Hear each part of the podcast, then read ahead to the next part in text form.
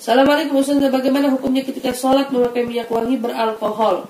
Hukum memakai minyak wangi beralkohol ini khilaf. Ada yang menyatakan boleh, ada yang menyatakan tidak boleh. Singkatnya seperti itu. Adapun masalah bagaimana Ustaz itu kan beralkohol. Oke, masalah alkohol ini penjabarannya bisa dikatakan cukup panjang. Kiasannya saya katakan ada ulama yang berpendapat sesuatu yang diminum belum tentu haram dipakai. Ini simpelnya. Ini ini singkatannya ya. Penjabarannya sebenarnya luas.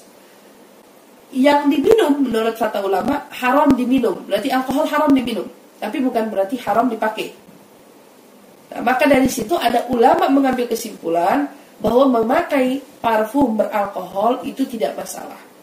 Ditambah lagi, zat yang dinyatakan haram minum alkohol itu adalah biasanya fermentasinya fermentasi alami, bikin khamar, minuman khamar. Ada juga alkohol yang memang dibuat itu fermentasinya, tapi sekarang zatnya bukan dari hal yang haram. Contoh alkohol yang dipakai di minyak wangi yang saya tahu itu dipakai dengan uh, apa namanya te, kalau nggak salah tebu. Alkohol itu dibuat dari tebu. Jadi ada yang menyatakan boleh, ada yang menyatakan tidak. Jika kamu merasa khawatir, merasa syak, ragu, kamu ambil yang tidak. Tapi ada pun yang memakai tetap dengan alkohol, dia memakai fatwa yang tadi saya sebut. Berarti dia menganggap bahwa alkohol itu tidak masalah karena itu dipakai bukan bukan diminum. Larangannya itu adalah larangan minum, bukan larangannya dipakai.